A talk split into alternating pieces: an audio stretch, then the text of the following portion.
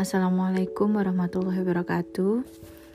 Uh, halo teman-teman semuanya, para pejuang GERD dan anxiety.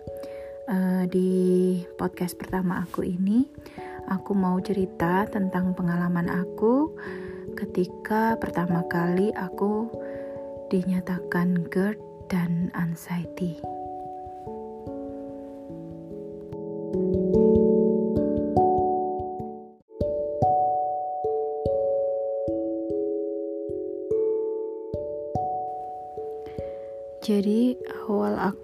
Dinyatakan GERD dan anxiety itu bulan Februari tahun 2019. Jadi masih tahun ini dan tepat di ha, beberapa hari sebelum aku ulang tahun. Dan itu gejalanya uh, dari aku tiba-tiba waktu itu seperti mau pingsan.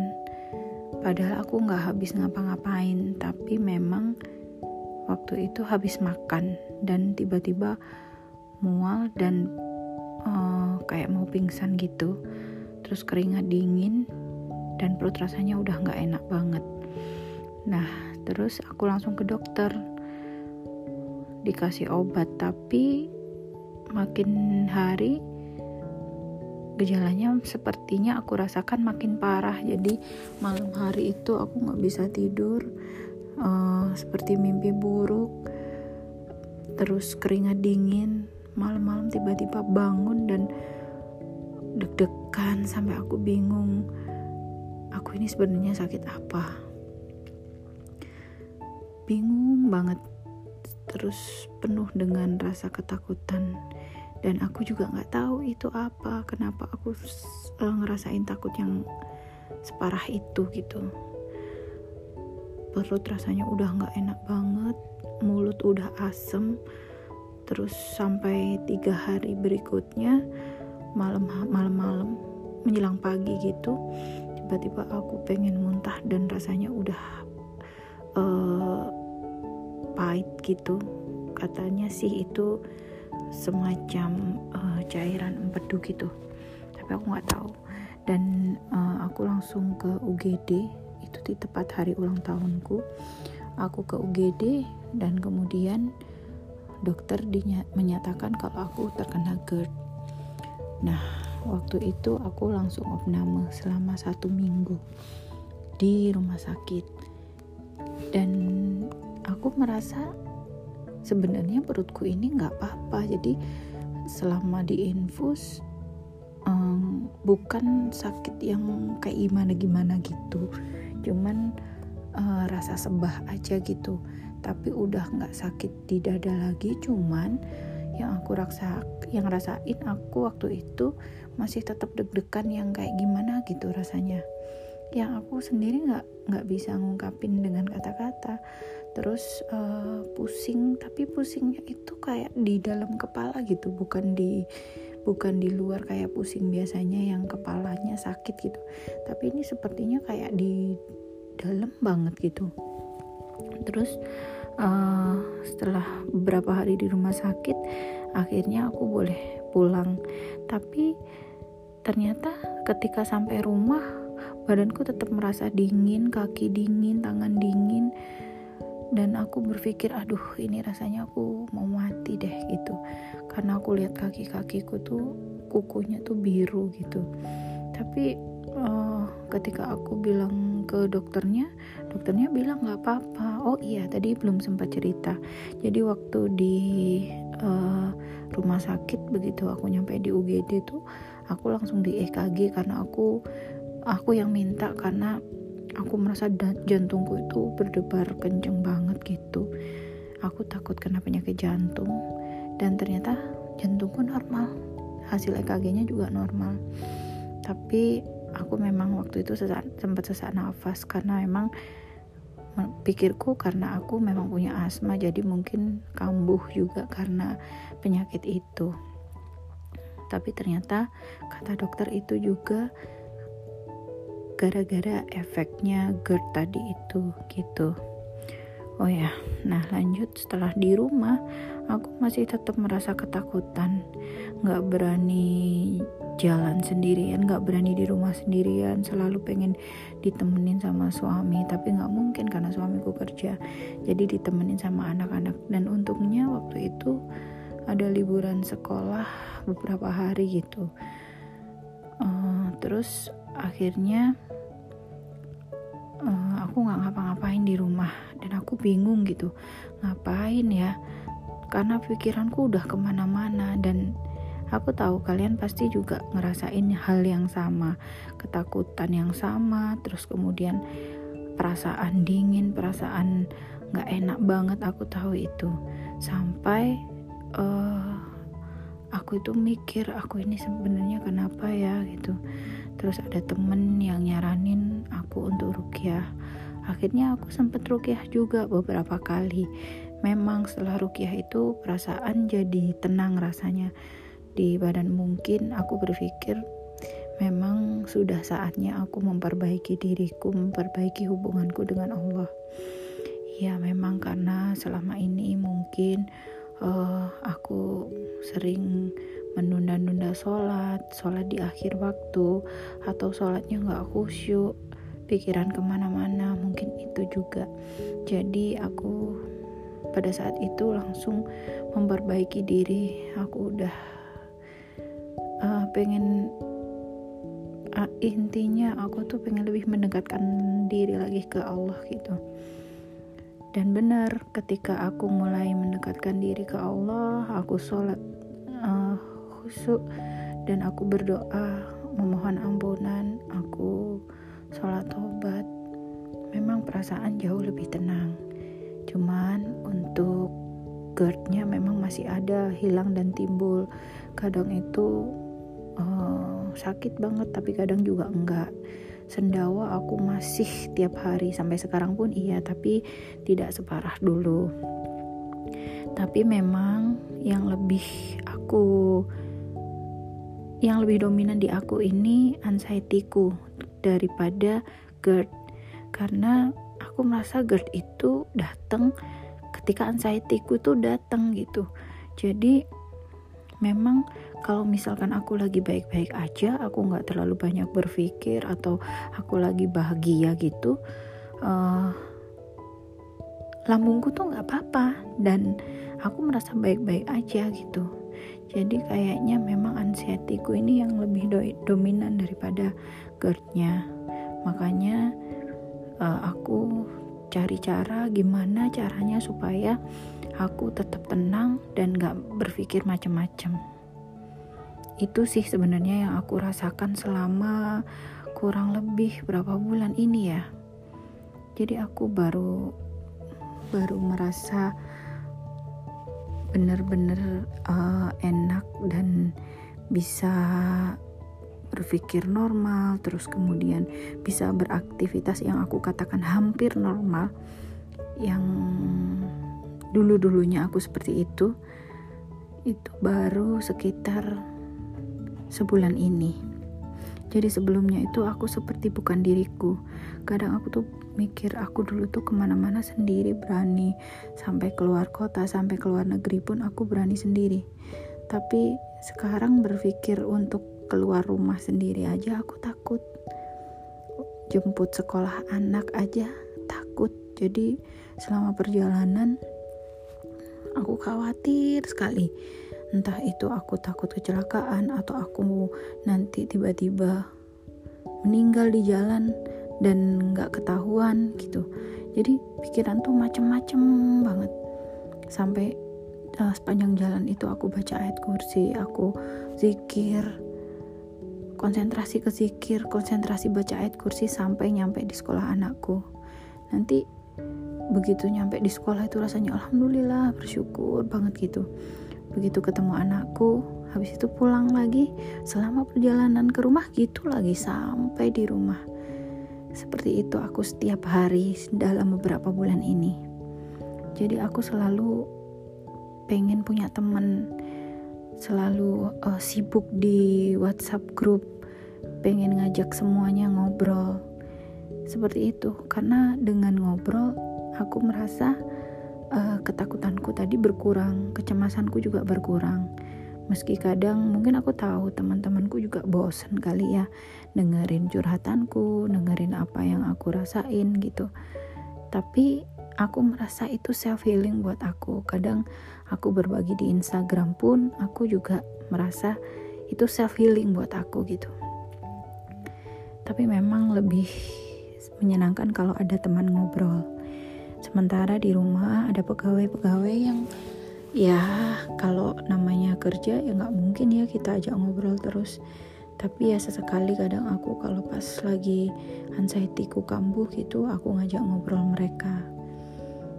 Jadi kadang itu memang nggak bisa ditebak kapan kambuhnya gitu.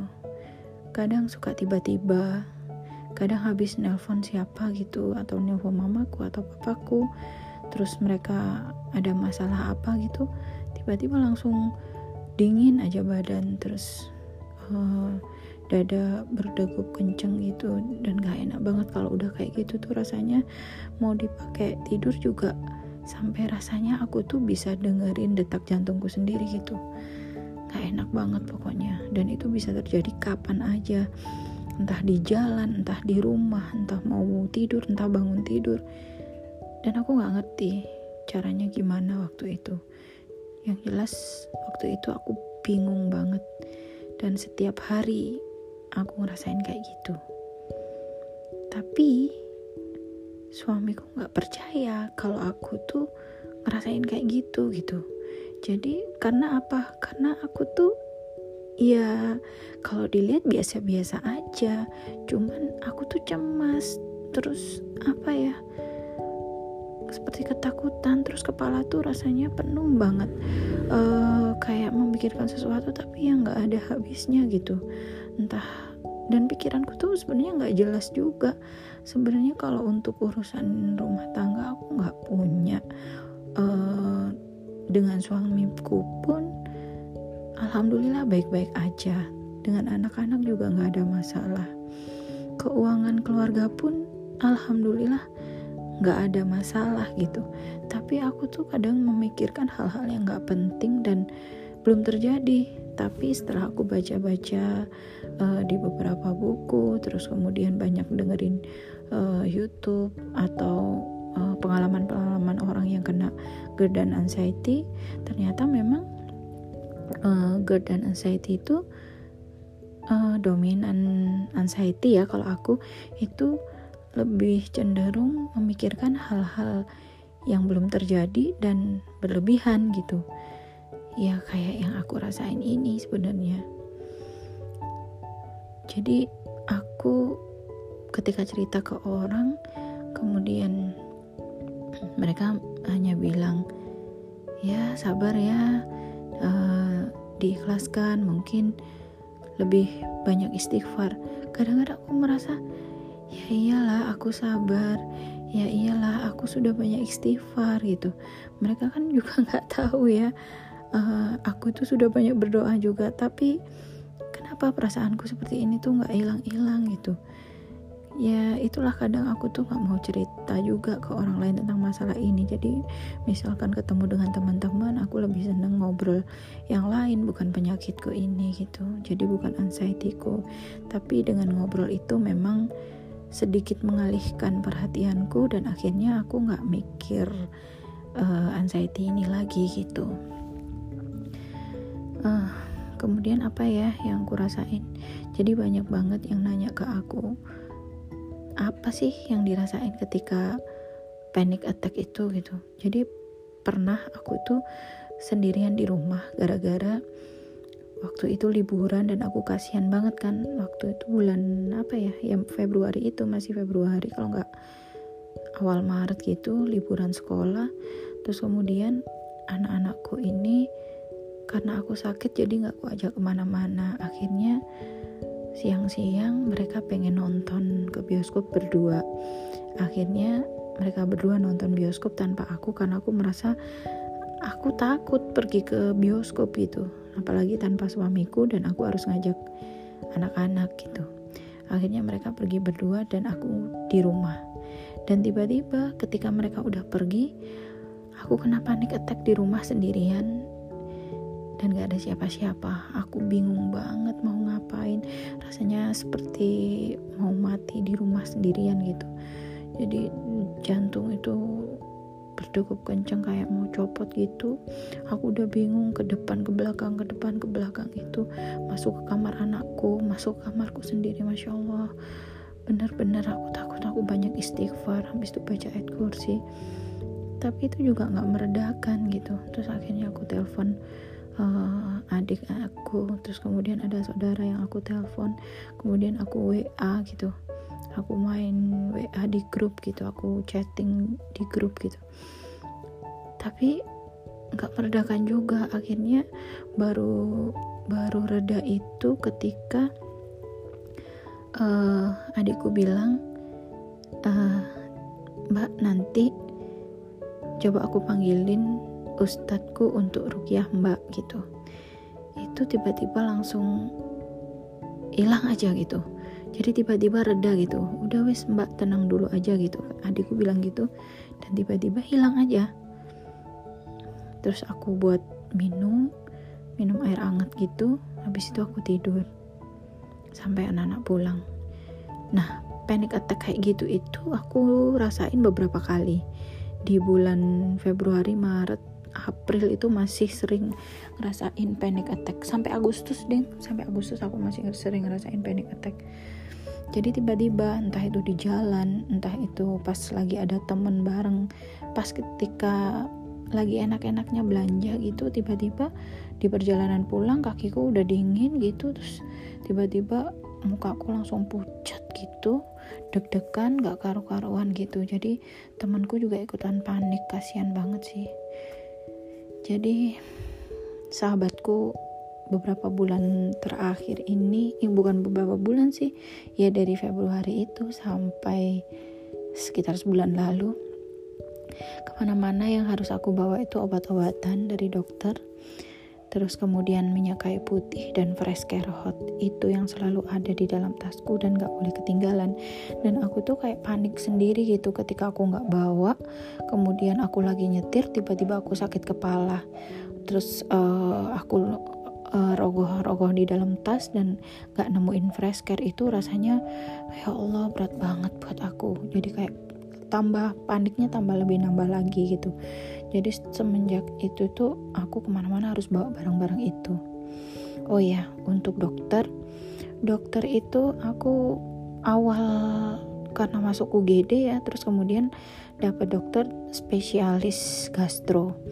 Tapi yang di resepin itu hanya obat-obat tertentu. Ah obat apa ya? Obat cuman ranitidin lansoprazol inpepsa gitu-gitu aja. Dan itu nggak mengurangi kecemasanku cuman uh, ngobatin asam lambung aja. Jadi hanya meredakan asam lambungku sesaat.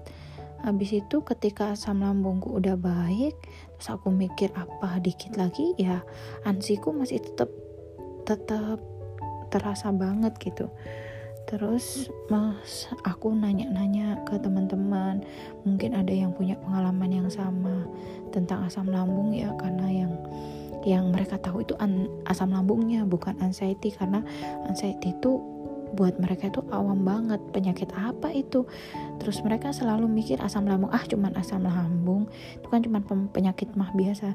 Tapi buat aku itu nggak biasa dan mereka nggak tahu gitu terus ada satu teman Nah, waktu itu di sekolah anakku yang kecil itu nanya kenapa? Kamu sakit apa? gitu. Karena dia tahu uh, eh, IG storyku di Instagram. Kemudian dia yang ngasih tahu aku salah satu dokter. Nah dokter ini katanya uh, ahli lambung tapi beliau ini dokter umum. Cuman menurut pengalaman dia dia sembuh dan suaminya juga sembuh. Makanya aku nyoba ke dokter tersebut. Nah setelah dari dokter itu alhamdulillah memang obatnya hmm, lebih lebih manjur daripada dokter spesialis spesialis gastroku yang sebelumnya. Jadi aku ke dokter itu dokter Andi itu uh, sekitar bulan apa ya bulan Agustus kalau nggak salah. Eh kalau eh bulan apa ya? Nggak nggak sebelum Agustus kayaknya. April kalau nggak Mei gitu aku ke, ke tempat dokter dokter Andi itu. Dan memang benar aku sembuh.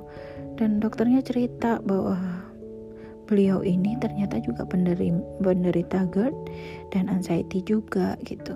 Jadi beliau ini tahu banget uh, rasanya jadi aku tuh gimana.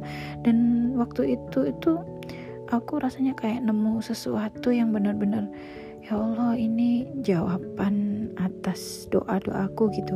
Jadi aku merasa nyaman aja ketika ketemu dengan dokter Andi. Aku langsung klik terus kemudian beliau benar-benar tahu iya rasanya seperti ini iya memang seperti itu gitu. Padahal di dokterku gastro sebelumnya itu uh, mereka itu bilangnya aku tuh gimana ya ah nggak apa-apa biasa aja cuman kayak gitu doang. Jadi sepertinya mereka menganggap aku lebay gitu ya. Tapi beda dengan dokter Andi ini yang benar-benar ngerti gitu aku curhat apa gitu. Dokter ini benar-benar tahu rasanya karena beliau juga cerita saya juga penderita GERD juga dek gitu. Dan dia manggil aku dek gitu. Terus uh, beliau meresepkan aku uh, obat. Tapi obatnya memang racikan dan harganya memang lumayan mahal. Jadi sekali berobat itu aku bisa menghabiskan duit hampir 2 juta. Mahal kan untuk hanya segedar penyakit asam lambung gitu tapi ini bukan hanya segedar ya ini benar-benar berat buat aku. Dan uang gak ada nilainya. Kalau kalau udah ngerasain kayak gini gitu aku akan bayar berapapun asal aku sembuh gitu. Aku udah mikir kayak gitu jadi uh, aku bayar aja gitu. Tapi memang benar ketika uh, minum obatnya dokter Andi aku memang uh, perasaan cemasku berkurang. Meskipun uh, ya berkurangnya bukan hilang ya tapi berkurang gitu. Uh, ketika sudah minum obat gitu aku merasa langsung enak langsung gak cemas. Tapi aku juga mikir apa aku harus minum obat terus supaya aku gak cemas gitu? Kan gak mungkin dan obat itu obat kimia gitu. Apa aku harus terus aja uh, minum obat kimia gitu? Aku harus nyari jalan supaya uh, aku nggak nggak minum obat kimia terus gitu. Dan memang setelah aku teliti aku aku baca resepnya dan aku browsing satu-satu isi resep itu memang ada obat penenangnya. Jadilah kenapa setelah minum obat itu aku jadi merasa nyaman dan nggak ansiku nggak kambuh gitu. Ya karena ada obat penyenang itu kayaknya itu tadi yang aku rasain selama kurang lebih 9 bulan ya 9 bulan ini. Uh, tapi alhamdulillah beberapa minggu ini aku udah hampir bisa menguasai diriku sendiri. Meskipun kadang uh, masih ada rasa cemas tapi dikit sekali. Dan, dan ketika cemas itu datang aku sudah bisa berpikir positif untuk mengalihkan perasaan itu. Sebenarnya masih banyak cerita tentang ketakutan-ketakutan yang aku alami terus cerita-cerita yang lain juga. Uh, nanti akan kita bahas lagi karena ini udah terlalu panjang juga. Nah nanti juga aku akan cerita tentang pola makanku terus kemudian obat-obat apa yang aku minum? Terus kemudian uh, terapi-terapi apa yang aku lakukan, terus kemudian olahraga dan sebagainya. Nanti akan aku bahas di video, oh sorry di podcastku berikutnya. Terima kasih teman-teman atas uh, kesediaannya mendengarkan ceritaku. Dan untuk kalian semua pejuang anxiety, pejuang GERD dan anxiety, uh, jangan lupa bersyukur dan selalu bahagia. Assalamualaikum.